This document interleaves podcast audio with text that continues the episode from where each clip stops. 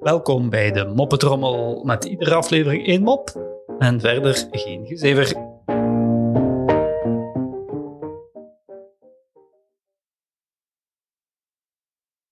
Twee Duitse herders zitten samen in de wachtkamer van de dierenarts. De ene herder zegt tegen de andere: hey, waarvoor zit jij hier? Nou, ik liep met mijn baasje over de straat en uh, toen ineens aan de overkant een mooi teefje liep. Tja, de wetten van de natuur. Hè. Nu zit ik hier voor uh, castratie. Oei, wat erg voor je, zegt de andere herdershond. En jij? Waarom zit jij hier?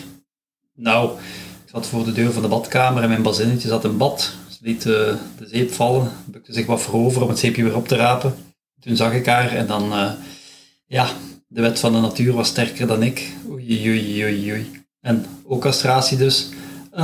Nee, ik ben hier om mijn nagels te laten bijknippen.